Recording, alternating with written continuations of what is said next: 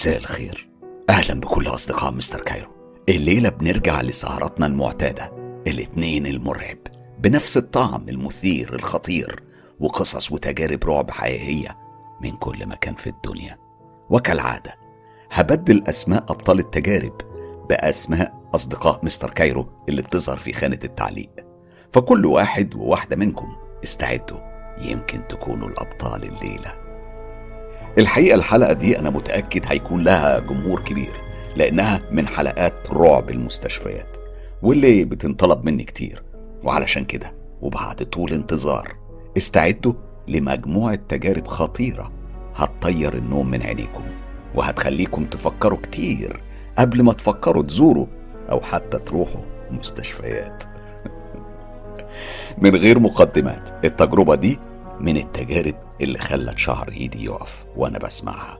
وأنا بتخيل كمان اللي مرت بيه بطلة التجربة. تعالوا نسمع التجربة دي ونشوف إيه اللي حصل فيها خلاني فعلا أقلق وأخاف.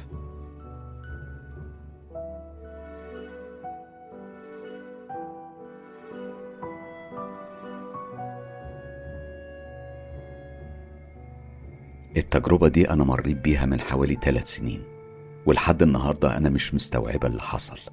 بنام وبصحى والموضوع ده دايما بيشغلني وبيخليني أفكر وحتى لو نسيته أو اتشغلت عنه.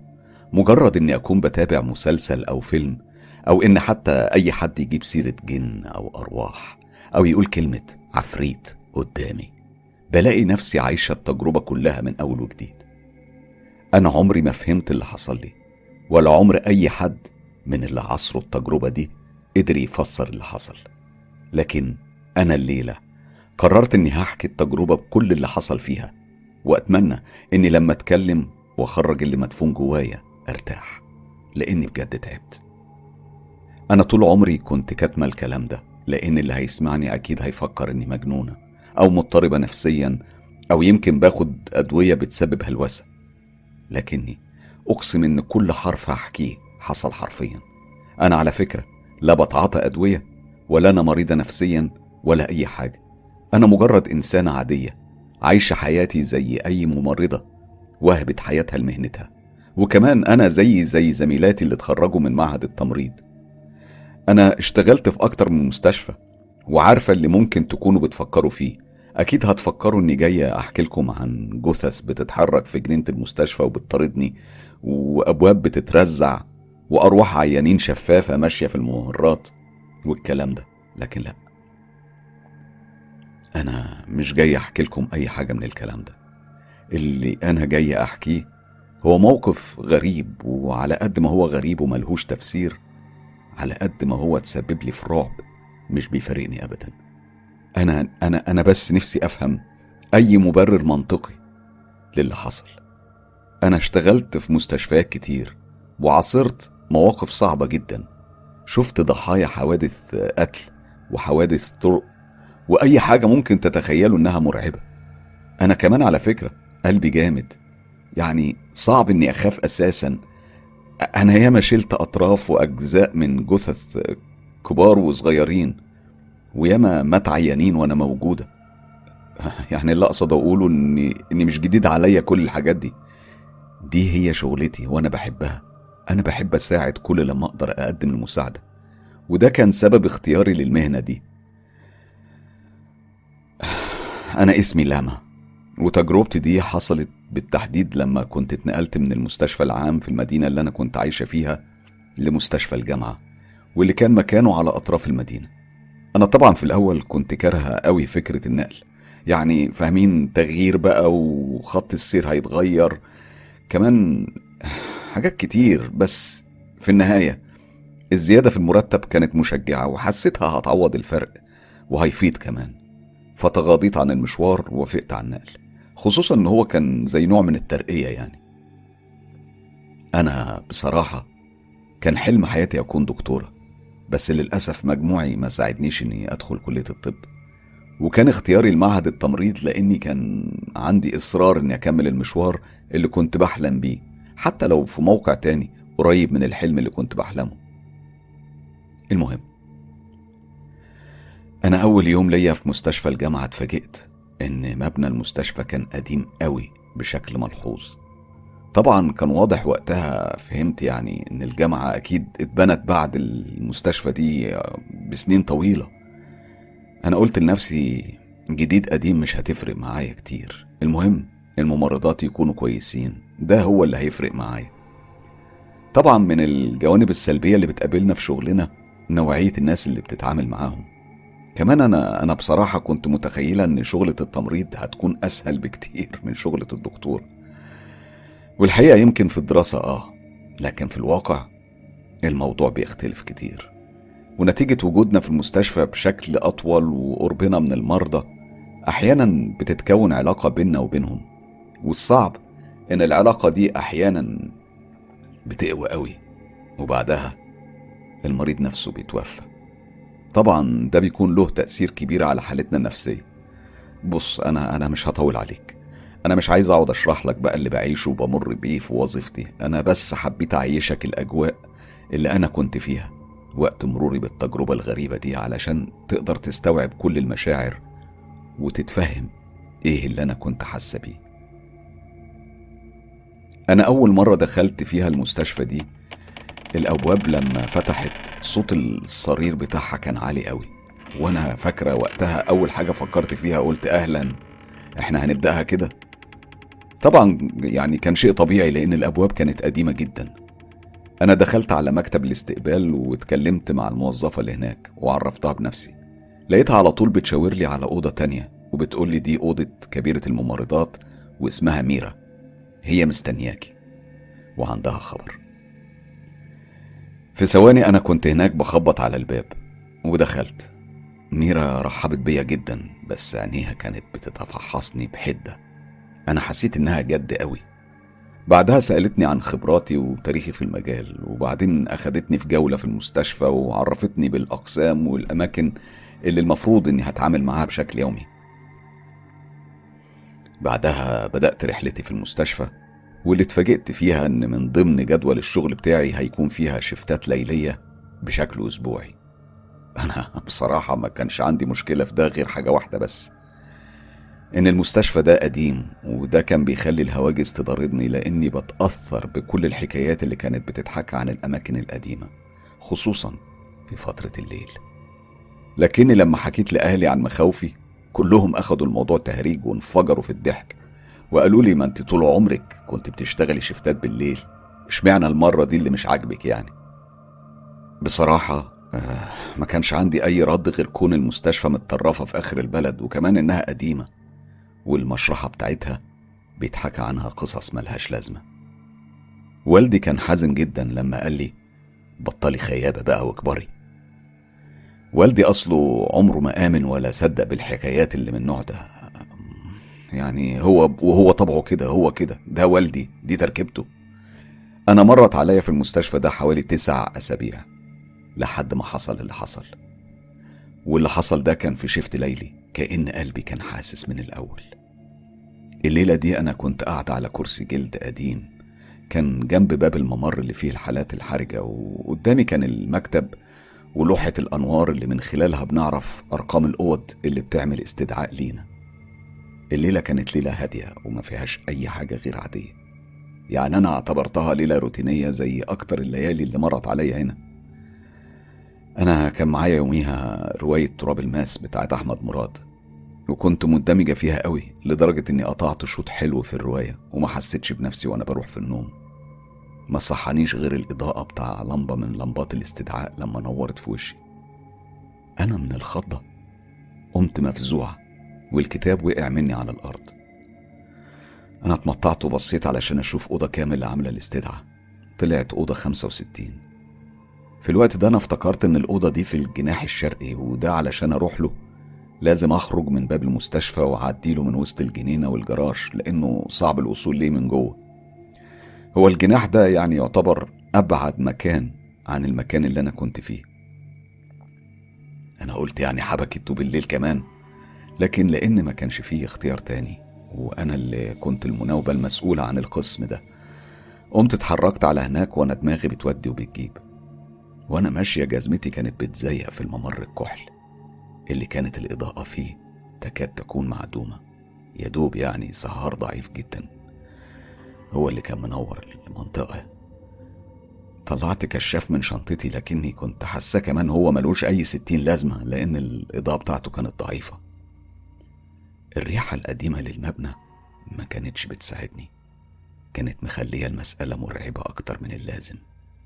بعدها أنا طلعت كام سلمة وأنا بحاول إني أتمالك نفسي علشان ما تزحلقش بعد حوالي تقريبا سبع تمن دقايق كنت وصلت الأوضة خمسة وستين.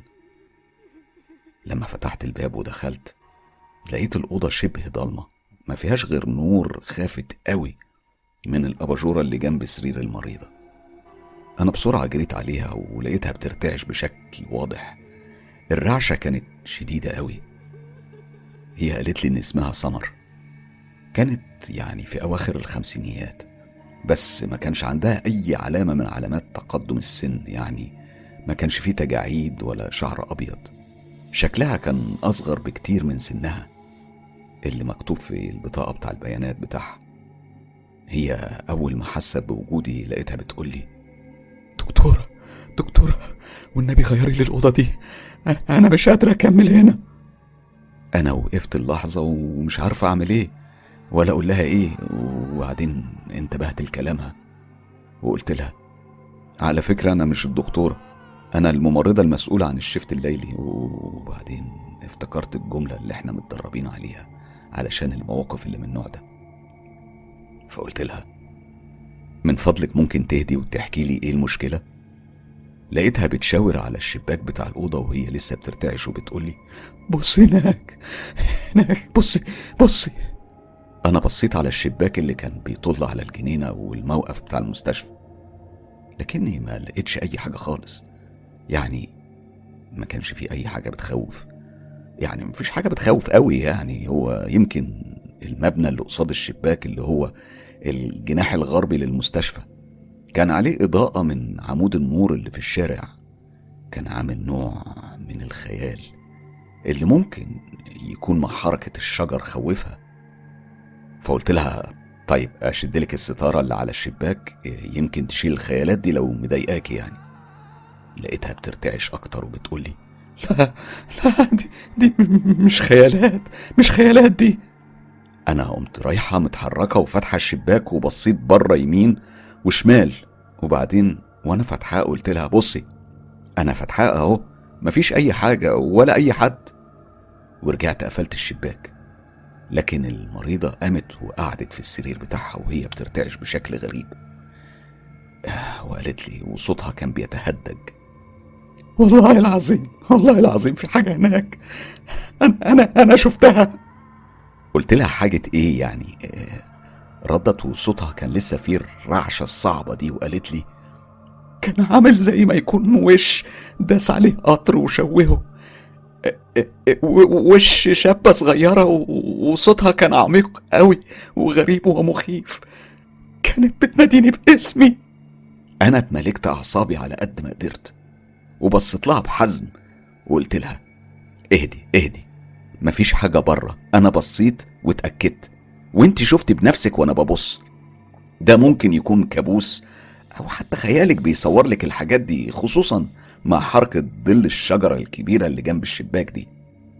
ورحت قعدت جنبها وغطيتها بالغطا وقعدت أطبطب عليها واستنيت لحد ما راحت في النوم. لما سمعت صوت نفسها انتظم بعدها أنا قمت واتنهدت من تعبي من اللحظات الغريبة اللي عشتها مع المريضة دي. وخرجت وقفلت باب الأوضة ورايا بشويش. وبعدين بدأت أتمشى في طريقي لمكاني في الوحدة بتاعت الممرضات. لما رجعت هناك مسكت الرواية من تاني وبدأت أقرأ فيها بتركيز. لكن الحلو ما يكملش. مفيش عشر دقايق ولقيت اللمبة بتاع أوضة خمسة وستين بتنور تاني. أنا اتنرفزت ورزعت الكتاب على المكتب وقلت تاني ده إحنا مش هنخلص بقى الليلة دي. المرة دي أنا نزلت على هناك ومن غير الكشاف. ومشيت في الضلمة وما فرقش معايا. كنت متنرفزة جدا.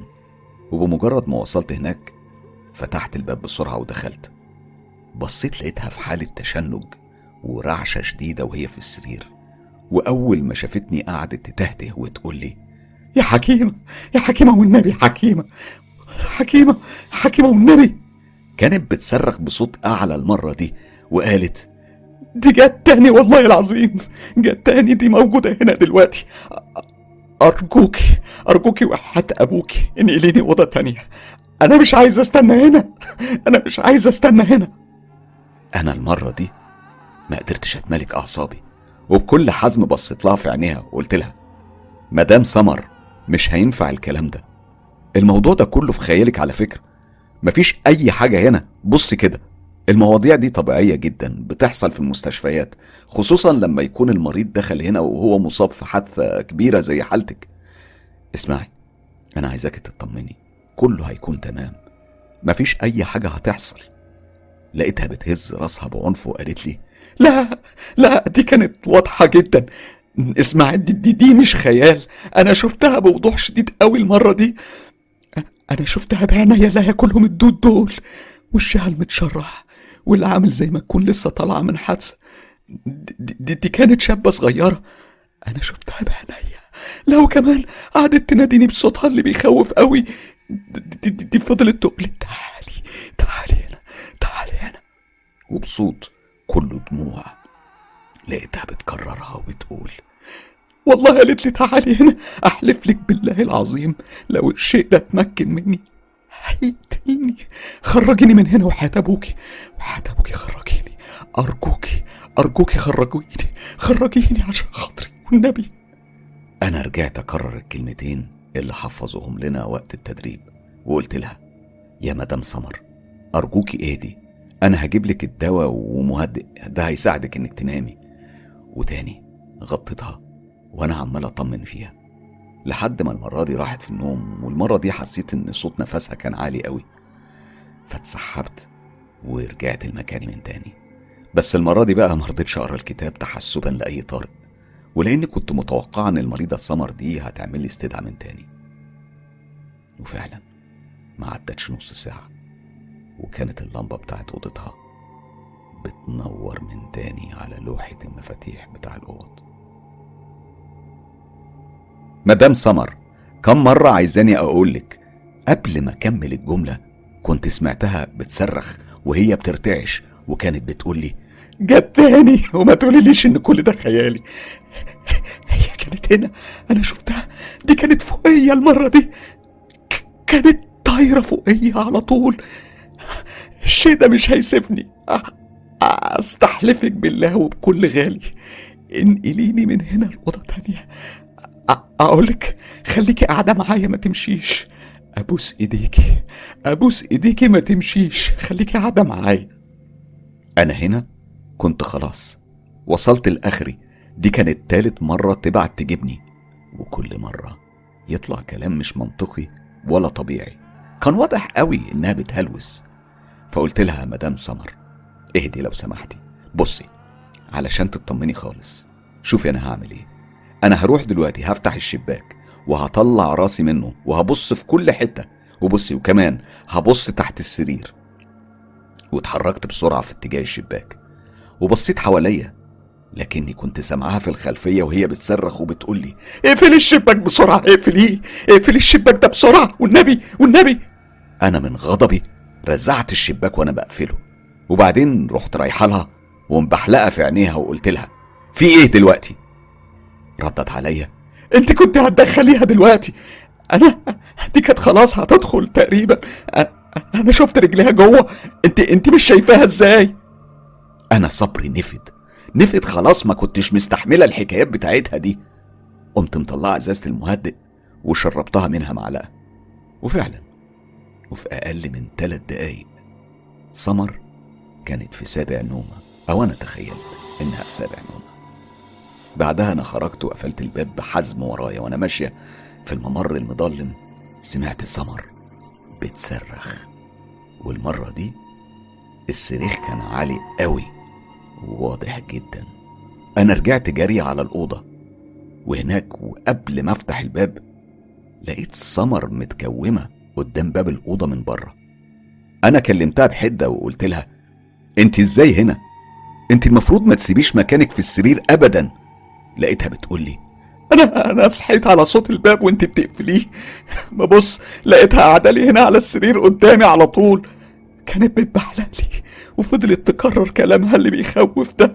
حرام عليكي انت, إنت, ليه مشيتي وسبتيني؟ ده أنا حلفتك حلفتك بحياة أبوكي ما تمشي. أنا قلت لها طيب خلاص خلاص خليكي مكانك وخليني أشوف في إيه في الأوضة دي. ولسه بمد ايديا على اكرة الباب علشان أفتحه. لقيت إيدين اتمدت ومسكت دراعي وثبتتني في مكاني. وصوت المريضة وهي بتصرخ وبتقول لي لا لا والنبي والنبي ما تفتحي. ده أنا ما صدقت حبستها جوه. والنبي النبي عشان خاطري ما تفتحي هنا أنا كنت وصلت لمرحلة اليقين. الست دي رسمي مضطربة نفسيا. دي أكيد بتشوف الحاجات دي في عقلها. طبعا. ما كانش في إيدي أي حاجة أقدر أعملها علشان أخلي الهلاوس دي تقف أو تروح. فقلت لنفسي كده هي ملهاش غير حل واحد. فبصيت لها وقلت لها بصي أنا اللي هقدر أعمله دلوقتي إني أخليكي تيجي معايا وتنامي في أوضة الانتظار اللي جنب أوضة الممرضات لحد ما أتصرف. وهشوف الرئيسة بتاعتي وبعدين ربنا يسهل ونشوف أي أوضة تفضى وننقلك فيها. إيه رأيك في الحل ده؟ هي شاورت لي براسها إنها موافقة. وبالفعل قامت ومشينا سوا لحد ما وصلنا لأوضة الانتظار. وهناك أنا خليتها مددت على دكة من الدكك اللي كانت في الأوضة. وقلت لها استني هنا أنا هروح أدور على رئيسة التمريض علشان تشوف لنا فين الأوض الفاضية. بعدها أنا رجعت على مكاني اللي بقعد فيه. وهناك اتصلت بميرا اللي كانت ماسكة القسم واللي كانت مناوبتها في الليلة دي في قسم تاني مش بعيد عن هنا. طلبت منها تيجي عندي لأن في حالة طارئة وإن أنا محتاجة مساعدة. فسألتني إيه الوضع يعني؟ إديني فكرة بسرعة. قمت حكيت لها على اللي شفته طول الليل مع سمر. ردت وقالت لي سمر دي في أوضة كام؟ أنا رديت عليها وقلت لها في أوضة 65 سمر دي اللي عندها صدمة عصبية ونفسية تقريبا. ميرا سكتت خالص وما نطقتش. أنا فضلت ماسكة السماعة بحاول أسمع إذا كانت لسه يعني موجودة ولا الخط فصل لكني كنت سامع صوت نفسها. بعد لحظة صمت طويلة قوي اتكلمت وقالت لي طيب آه، هي فين دلوقتي؟ قلت لها إنها يعني أنا خدتها لأوضة الانتظار وخليتها تنام هناك لحد ما نتصرف ونشوف لها أوضة. ميرا قالت لي وبكل حزم. طيب أنا جايالك دلوقتي ما تتحركيش. بعد فترة دماغي فيها كانت بتستعرض كل اللي شفته وسمعته الليلة دي والصداع اللي جالي بسبب سمر وكنت لسه بقول لنفسي إني لازم أشرب كوباية شاي تظبط لي دماغي اللي كانت تعبت من كتر الوش اللي عشته وهنا وقبل ما أكمل تفكير لقيت ميرا داخلة عليا.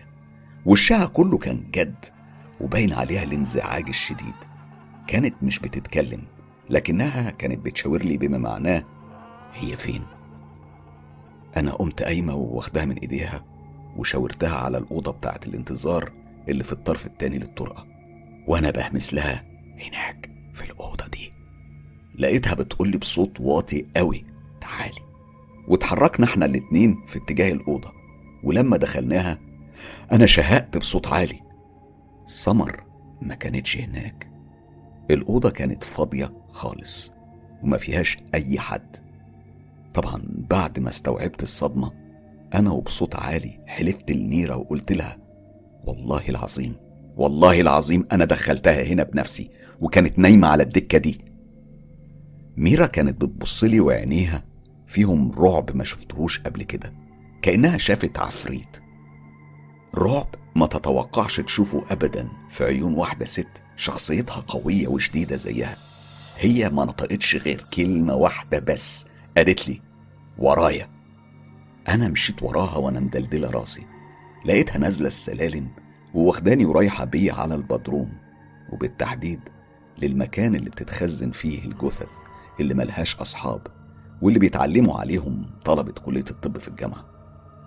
أنا بالرغم من إن قلبي جامد لكن فكرة النزول للمكان ده الساعة 3 الفجر كانت حاجة مش مريحة بالنسبة لي أبدا. وبدأت أفكر في حكاية الجن والأرواح وعفاريت الميتين اللي كتير كنت بسمع عنها وبضحك. لكني في لحظتها ما كنتش بضحك. أنا كنت ميتة من الرعب. ميرا أخدتني لحد آخر الأوضة اللي كانت برد موت. وهناك كان في سرير صغير على آخر الأوضة كان عليه إشارة عليها حرف نون سبعة وعشرين. هي راحت لحد عنده وبعدين من غير كلام شاورت لي أروح أرفع الغطا من على الجثة اللي موجودة هناك.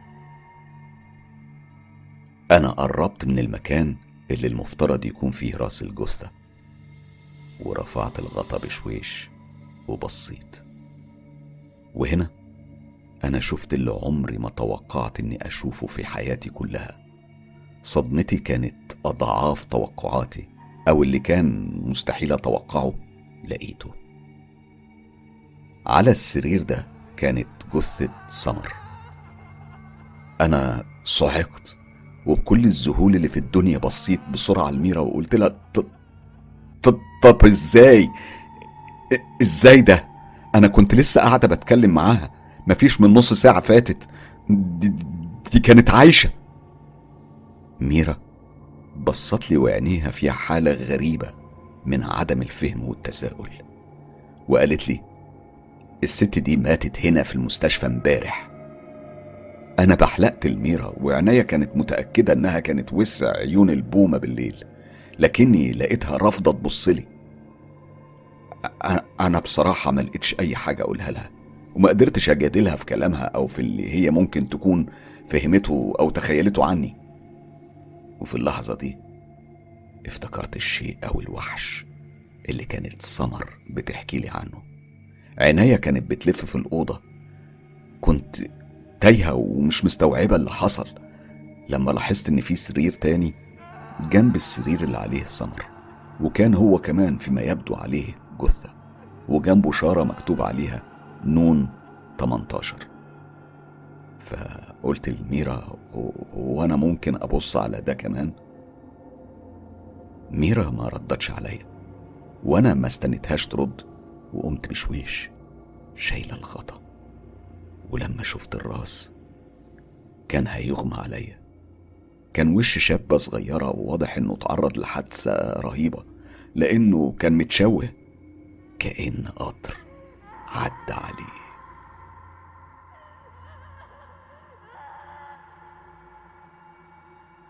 الواقعة دي مر عليها ثلاث سنين.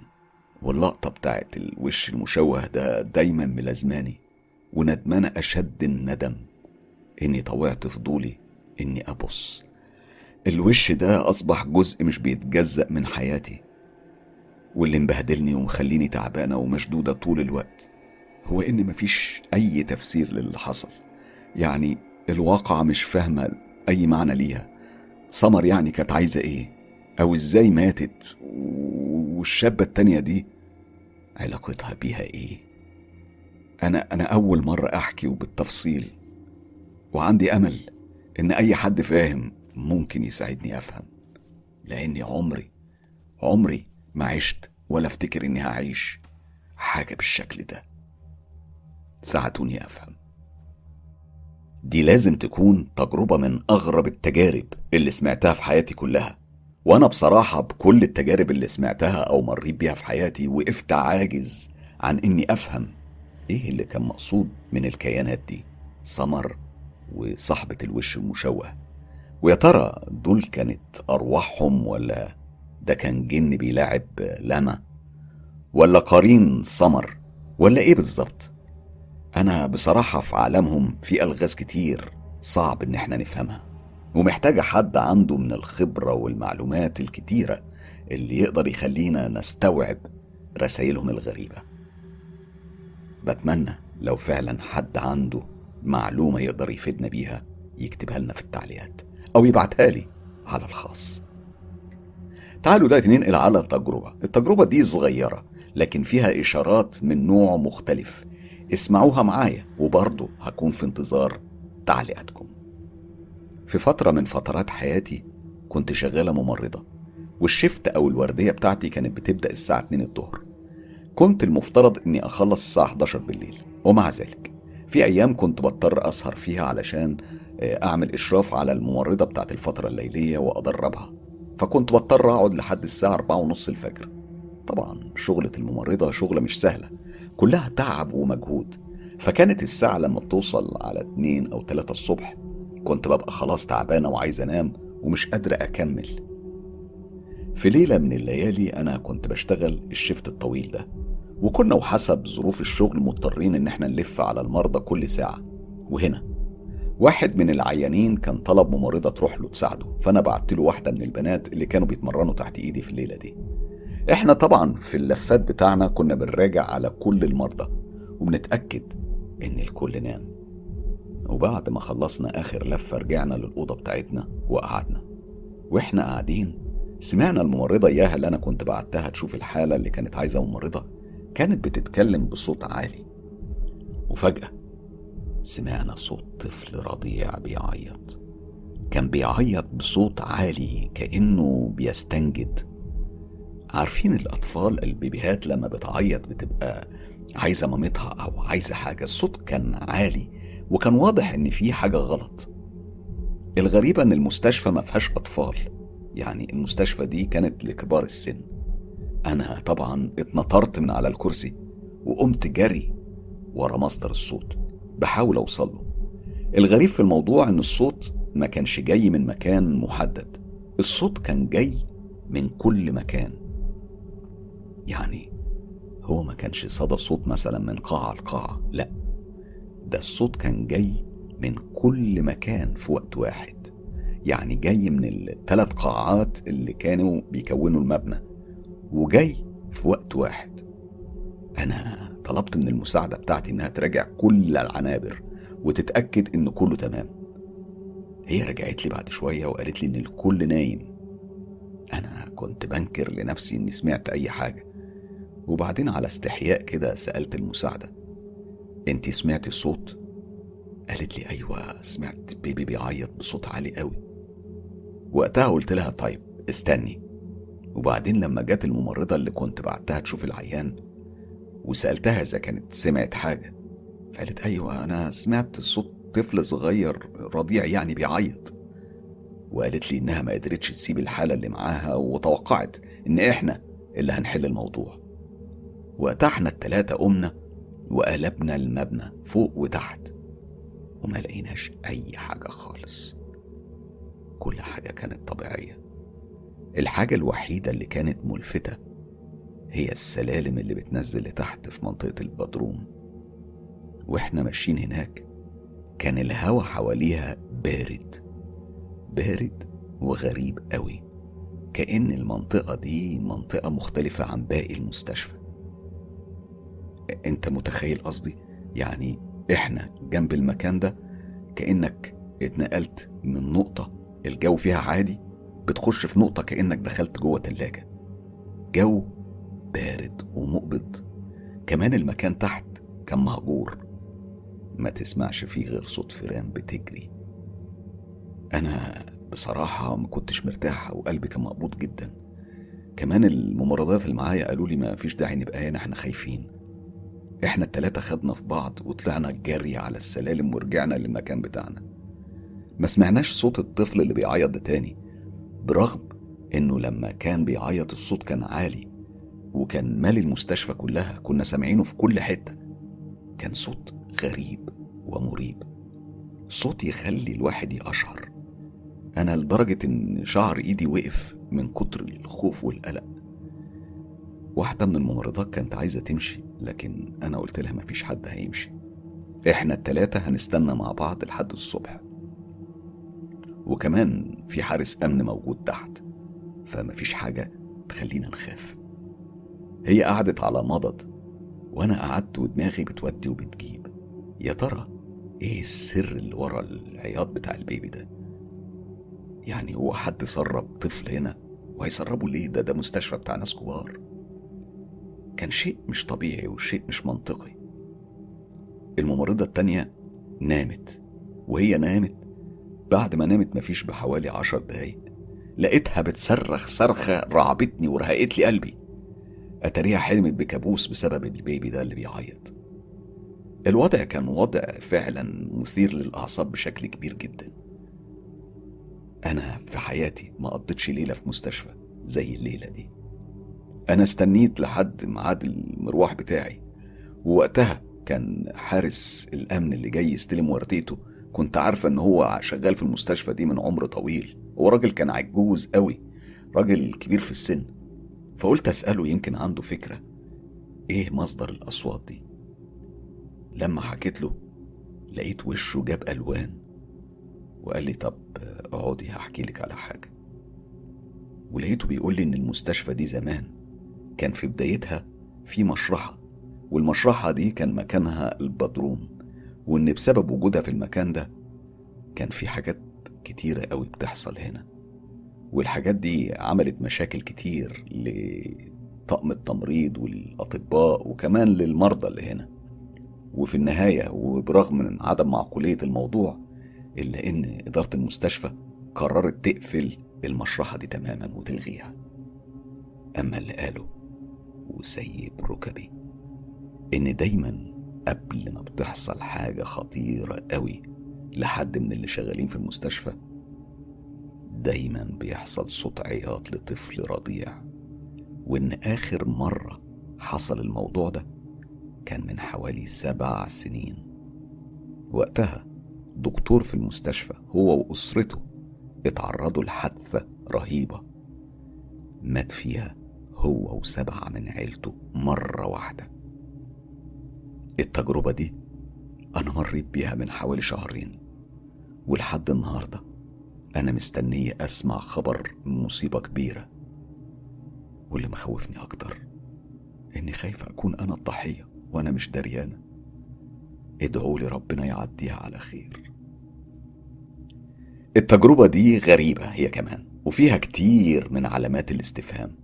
تعالوا نسمعها سوا ونحاول نفهم العالم الغريب ده بيحاول يقول لنا إيه من خلال الإشارات والرسائل اللي مش مفهومة واللي دايما بنقراها بين سطور التجارب المرعبة اللي عاشها بشر زي وزيكم. يلا بينا. التجربة دي أنا عشتها وقت لما تميت 19 سنة. كنت بقالي شهر في الكلية اللي مكانها تقريبا على بعد حوالي أربع ساعات من بيت أسرتي. في الفترة دي أنا كنت عيان جدا وللأسف. الدكاترة اللي موجودين في السكن الجامعي شخصوا حالتي بالغلط. وبعد ما مر كذا يوم من غير أي تحسن في النهاية قرروا إن الأفضل لي إني أتحول للمستشفى وبالتحديد لقسم الطوارئ لأن الحالة بتاعتي كانت من سيء لأسوأ.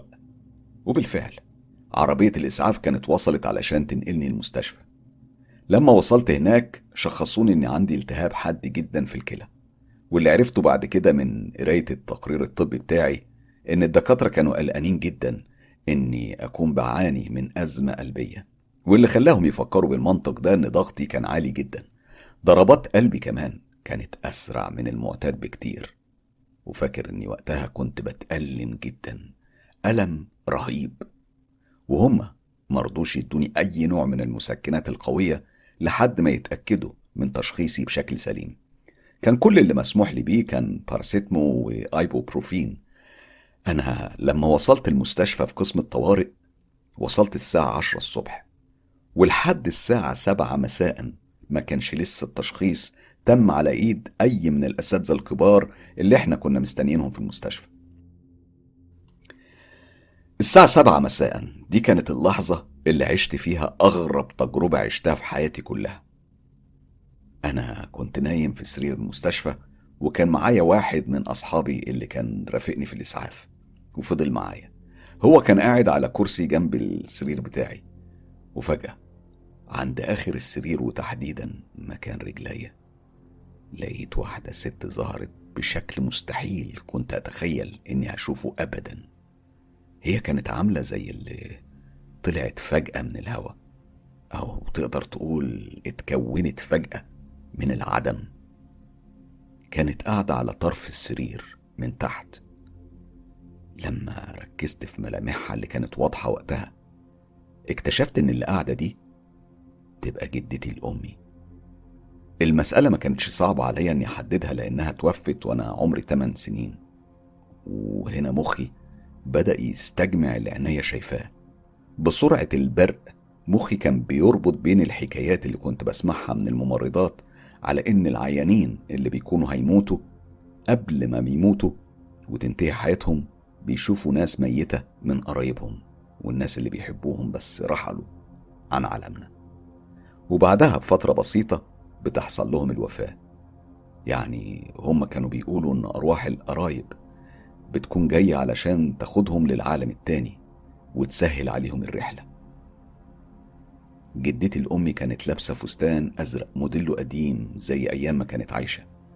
أنا كنت فاكره كويس لأن كان عندها منه كتير نفس الموديل بألوان مختلفة. أنا كنت مركز معاها ومع كل حركاتها. لقيتها بتبتسم لي وكأنها بتطمني. وبعدين زي ما جت فجأة. اختفت فجأة.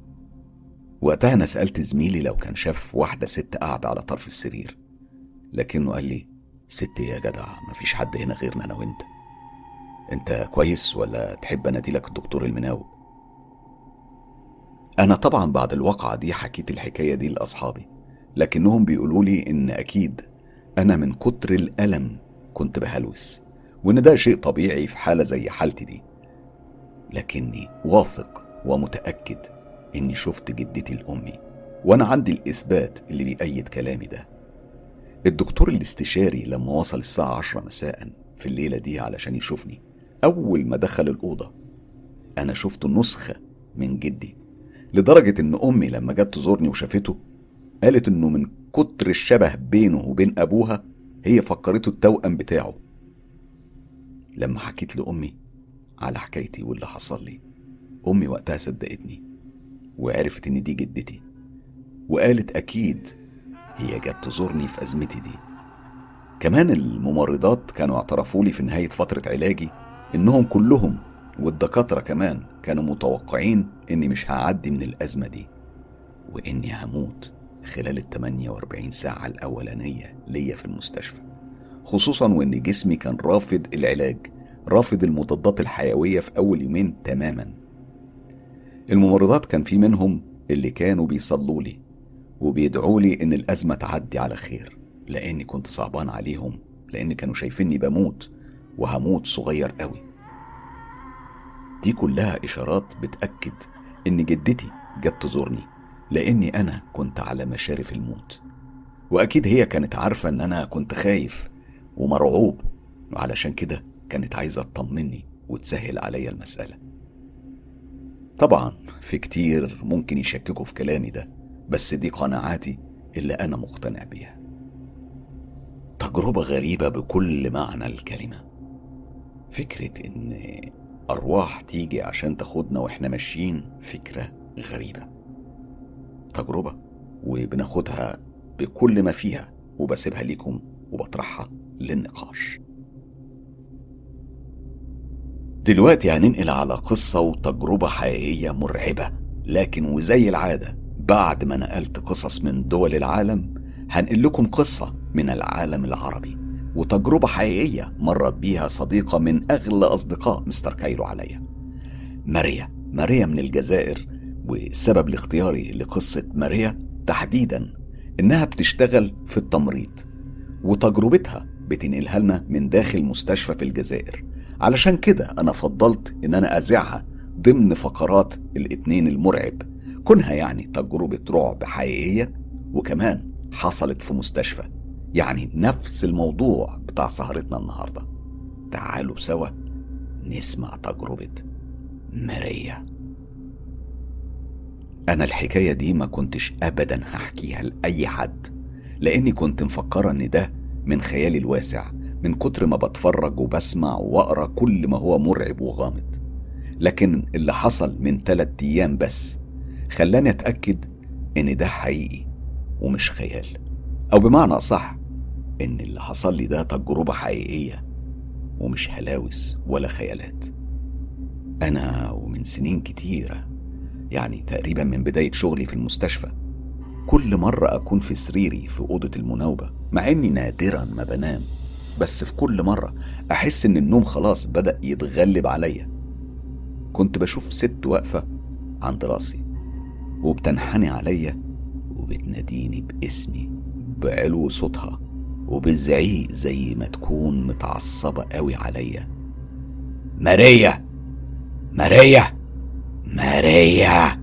كنت بتخض جامد واقعد اقرا في قرآن وهي طبعا السبب إني ما بنامش حتى لو ده كان دوري في الراحة من الشغل. بعد الموقف ده وتحديدا من حوالي تلات أيام لقيتها جت بتتكلم معايا وقالت لي إنها لو حصل إيه بالذي مش هتنام في سريري تاني ابدا. قلت لها طب طب ليه؟ وكانت الصدمة لما قالت لي اسمعي يا مرمر هتقولي عليا مجنونة أو اللي أنت عايزة تقوليه مش مشكلة بس أنا متأكدة من اللي أنا هقولهولك ده. وما تقولوليش إن ده كابوس ده مش كابوس علشان أنا كنت صاحية وكان لسه هياخدني النوم. لقيت واحدة ست واقفة عند راسي بالظبط. فقمت على طول وفضلت صاحية وقعدت أقرأ قرآن. أنا بصيت لها وعينيا وسعت وقلت لها هي الست دي بتقف هنا؟ وشاورت لها بالظبط على المكان اللي أنا بشوفها فيه. قالت لي أيوه انت عرفتي إزاي؟ أنا حكيت لها على حكايتي معاها. إحنا الاتنين فضلنا محتارين هنعمل إيه. الست دي طلعت بجد موجودة يعني. يعني إحنا مش هنقدر نضحك على نفسنا ونقول كابوس أو أوهام علشان نصبر نفسنا. يا ترى بقى الست دي ممكن تعمل إيه أكتر من كده؟ دي كفاية إنها بتنده عليا باسمي وبتزعق لي زي ما تكون زعلانة مني. يعني كده الحل بقى إني أفضل ما نمش طول فترة المناوبة بتاعتي. يمكن كده هقدر أتجنبها. أنا لحد النهارده بعمل لها ألف حساب بس ليا طلب واحد عندكم أصدقاء مستر كايرو. حد عنده أي تفسير للوضع ده يلحقنا بيه. ماريا قلبي معاكي. قلبي معاكي صديقتي الغالية أكيد.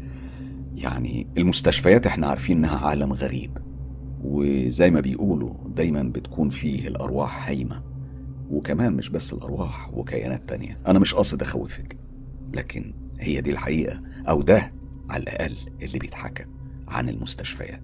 أتمنى لو في أي حد من أصدقاء مستر كايرو يقدر يفيدنا بمعلومة نقدر نطمن بيها ماريا أو نقدر نقول لها تتصرف إزاي وتعمل إيه.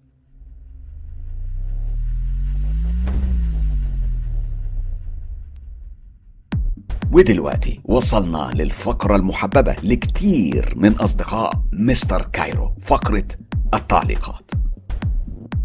في فقرة التعليقات النهاردة الحقيقة أول تعليق هقف معاه. أنا في العادة ما بحبش أنشر أبدا تعليقات فيها شكر أو شكرانية فيا أو في القناة على قد ما أقدر يعني.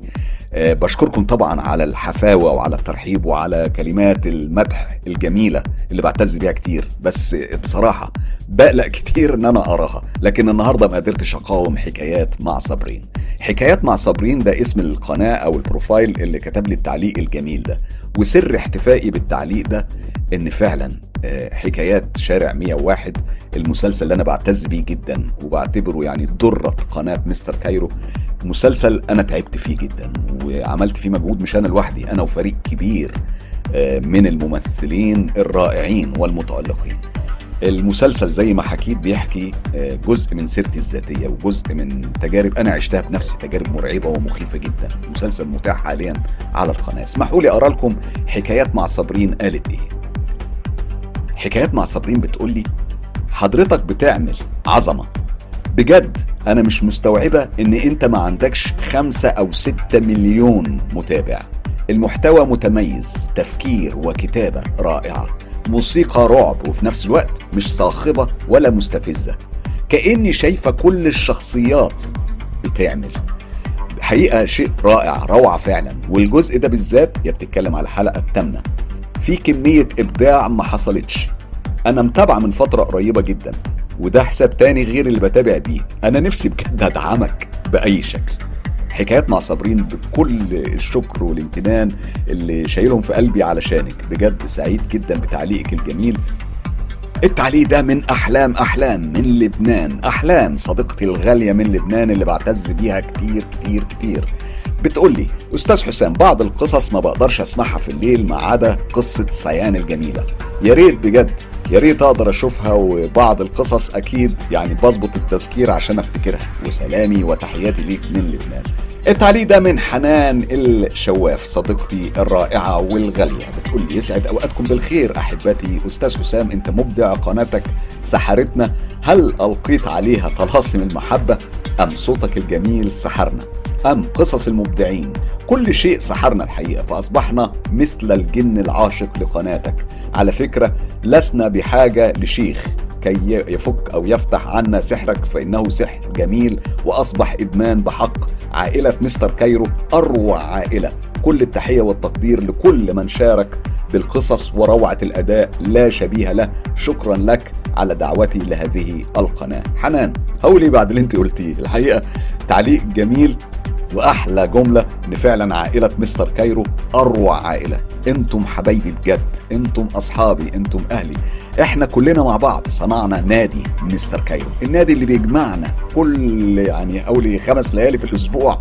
بنتكلم وبندردش وبنحكي وبنكمل على الصفحة الرسمية على موقع التواصل الاجتماعي فيسبوك بشكرك كتير حنان. التعليق ده من منى محمد بتقول يوه يوه. يعني لو مت يا مستر حسام قبل الأسبوع اللي جاي أموت يعني قبل ما أعرف إيه اللي حصل مع المعذبة من الجن؟ حرام عليكم يا جبابرة.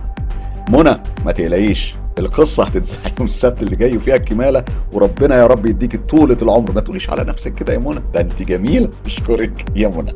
التعليق ده من سارة من لبنان صديقتي الغالية بتقول لأم شهاب وصديقة أخرى جميلة ورائعة بتقول لها ام شهاب إنك تاخدي ال 20 سلمة في خمس ثواني؟ دي أحلى رياضة. خلينا نبص على الجانب الإيجابي.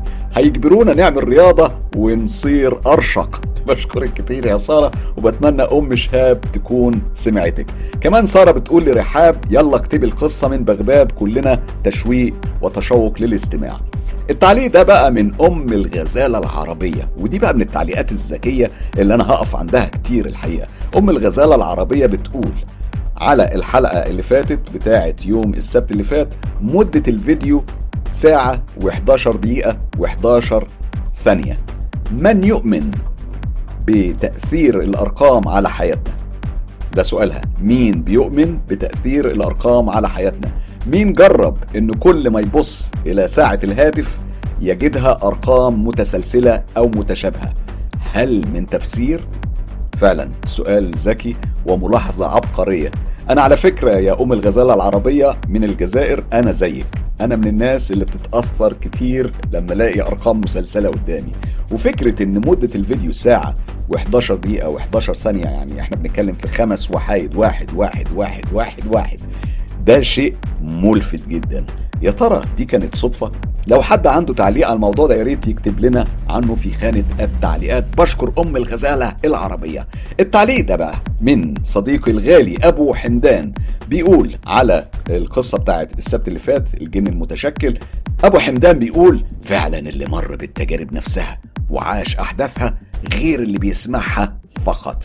ده شيء وده شيء. بشكرك أبو حمدان وملاحظة في محلها ملاحظة ذكية جدا جدا جدا. التعليق ده وصلني من قناة نور المتنوعة وصاحبها هو نور وهو صديق عزيز عليا والحقيقة من أعز أصدقاء مستر كايرو واللي بيتابعوا القناة من سنين طويلة وبيقول لي في التعليق بتاعه السلام عليكم ورحمة الله وبركاته بعد إذنك أخ حسام ممكن تدعموني في قناتي بعد إذنكم تحياتي لكم. أنا بكل تأكيد يعني يا نور بقول لكل أصدقاء مستر كايرو كل الناس اللي بتتابعنا وكل الناس اللي بتسمعنا وكل الناس اللي بتعز مستر كايرو وعايزين فعلا يعملوا واجب هو ده الواجب يا جماعة. عايزين ندعم نور وقناة نور المتنوعة هتلاقوا الرابط موجود في خانة الوصف. وأكيد أتمنى لنور التوفيق وأتمنى له النجاح. التعليق ده من لولو حداد بتقول مرحبا مستر كايرو أنا لولو من فلسطين دايما بسمع قصصك طول الوقت. ومش طبيعي بصراحة أنا أول مرة بعلق على فيديو على اليوتيوب. كل الاحترام والتوفيق. أنا بشكر كتير لولو حداد من فلسطين وتحية كبيرة لكل أهل فلسطين الغاليين. التعليق ده من ابن الحاج علوي بيقول الرعب يعني مستر كايرو. ابن الحاج علوي بشكرك كتير على تعليقك الجميل وفعلا هو الرعب يعني مستر كايرو وده اللي بحاول إن أنا أحافظ عليه. بحاول أجيب لكم قصص رعب مختلفة حاجة غير الكلاسيكيات اللي بتسمعوها في أي مكان تاني. بشكرك كتير ابن الحاج علوي صديقي الغالي. التعليق ده من صديقي من لبنان محمد رمضان بيقول مساء الفل يا كينج. والله ما بعرف أنام إلا على صوتك وحكاياتك. أستاذ بمعنى الكلمة. ونقول إيه بقى؟ يلا بينا. فعلا يلا بينا محمد رمضان صديقي الغالي من لبنان.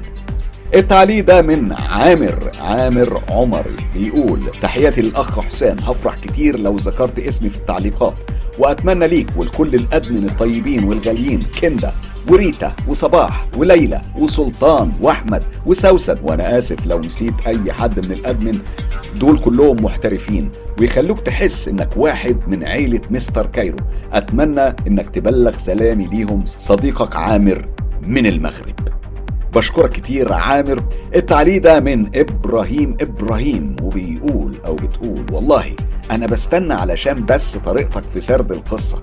تليفوني معايا حتى في المطبخ وكمان بنام على حكايات مستر كايرو. التعليق ده من صديقتي الغالية جدا جدا جدا جدا. أم حاتم بتقول مساء الأناناس على أغلى الناس. في ناس بشوفها بالألوان وناس جواها مش بيبان. وناس أبيض وناس أسود وناس محتاجة بس أمان. وأكتر ناس تأمنهم ما يجي الجرح غير منهم. وناس أنت بعيد غنيم وتنسى معاهم الأحزان. أم حاتم إيه الشعر ده؟ شاعر جامد. أنا بشكرك كتير على تعليقك الجميل. التعليق ده من رحاب رورو بتقول مستر حسام الطنطل على فكرة موجود بكثرة في العراق. أنا شفته بعينيا لما كنت راجع من شمال العراق في اتجاه بغداد. كان صغير. الطنطل لونه رمادي على أسود ودراعه طويلة جدا. كان واقف على سلسلة آه، تلال صغيرة جدا وبيطير دراعاته الطويلة على شكل حلزوني. الوقت كان وقت مغرب وأنا مريت بسرعة بالعربية. طبعا أنا كنت قاعدة في الكرسي اللي ورا. المرة التانية اللي شفته فيها كان موثق في صورة وريها لي أو وروها لكل أهلي وأهل جوزي قبل سنين وهبعت لك التفاصيل مع اللي عشته مع الجن في أقرب وقت إن شاء الله. رحاب رورو رحاب رورو أنا مستني قصتك مع الجن. أنا طلبتها منك لحد دلوقتي دي تالت مرة. أنا في انتظارها ومتأكد إن كتير من أصدقاء مستر كايرو في انتظار القصة. التعليق ده من ياسر زهران صديقي الغالي وبيعلق على الطلب اللي كنت طلبته للاشتراك مع حكايات روان أو قناة حكايات روان. بيقول أنا أساسي مع أستاذة روان. المشكلة بس إن كتير من المشتركين في قناتها القديمة اللي اتقفلت ما يعرفوش القناة الجديدة. وأنا فعلا متفق معاك يا ياسر وده اللي بنحاول نعمله أنا وروان. روان متألقة وقريب أنا وهي هنعمل عمل مشترك بإذن الله. التعليق ده من منى محمد. منى محمد مرتين النهارده في التعليقات بتقول لي مستر وحياة أبوك اوعى ترفض عرض السيان. لا لا ده أنا مجهزة المايو الشرعي بتاعي والشنطة وحتى ال lunch box وعاملة لك حتى سندوتشات قشطة بالعسل. يا عسل. إيه بقى؟ إيه رشوة بقى؟ مفيش بعد كده أظن بقى ولا إيه؟ بشكرك كتير منى محمد. وابقي روحي لسيان لوحدك. التعليق ده من الشوك الأسود بتقول على طول متابعالك يا إمبراطور الرعب حتى إني بنزل فيديوهاتك عشان لما تروح الكهرباء من عندنا في لبنان أسمع قصصك. ربي يسعدك دايما زي ما بتسعدنا وصوتك يا أستاذ حسام بياخدنا لأعماق القصة. تحياتي ليك ولكل متابعيك ومستمعينك الكرام. بشكرك كتير الشوك الأسود من لبنان وده كان مسك الختام لتعليقاتنا النهارده. لو عندكم تجارب حقيقية وحصلت بالفعل ليكم أو لحد من أصحابكم وحابين تشاركوا بيها أصدقاء مستر كايرو ابعتوا التجارب على الصفحة الرسمية للإعلامي حسام مصباح على موقع التواصل الاجتماعي فيسبوك أو على موقع صراحة أو تطبيق تليجرام كل الروابط دي موجودة في خانة الوصف. للحصول على كل الحصريات انضموا لجروب تجربة رعب مستر كايرو. وصفحة هستيريا قصص رعب على فيسبوك. ولو حابب تدعم تجربة مستر كايرو ادعموا بالاشتراك في القناة والإعجاب بالكليب. طبعا لو عجبكم و share الكليب في كل مكان. واتساب ماسنجر انستجرام وأخيرا يوتيوب. خلي الدنيا كلها تعيش تجربة مستر كايرو.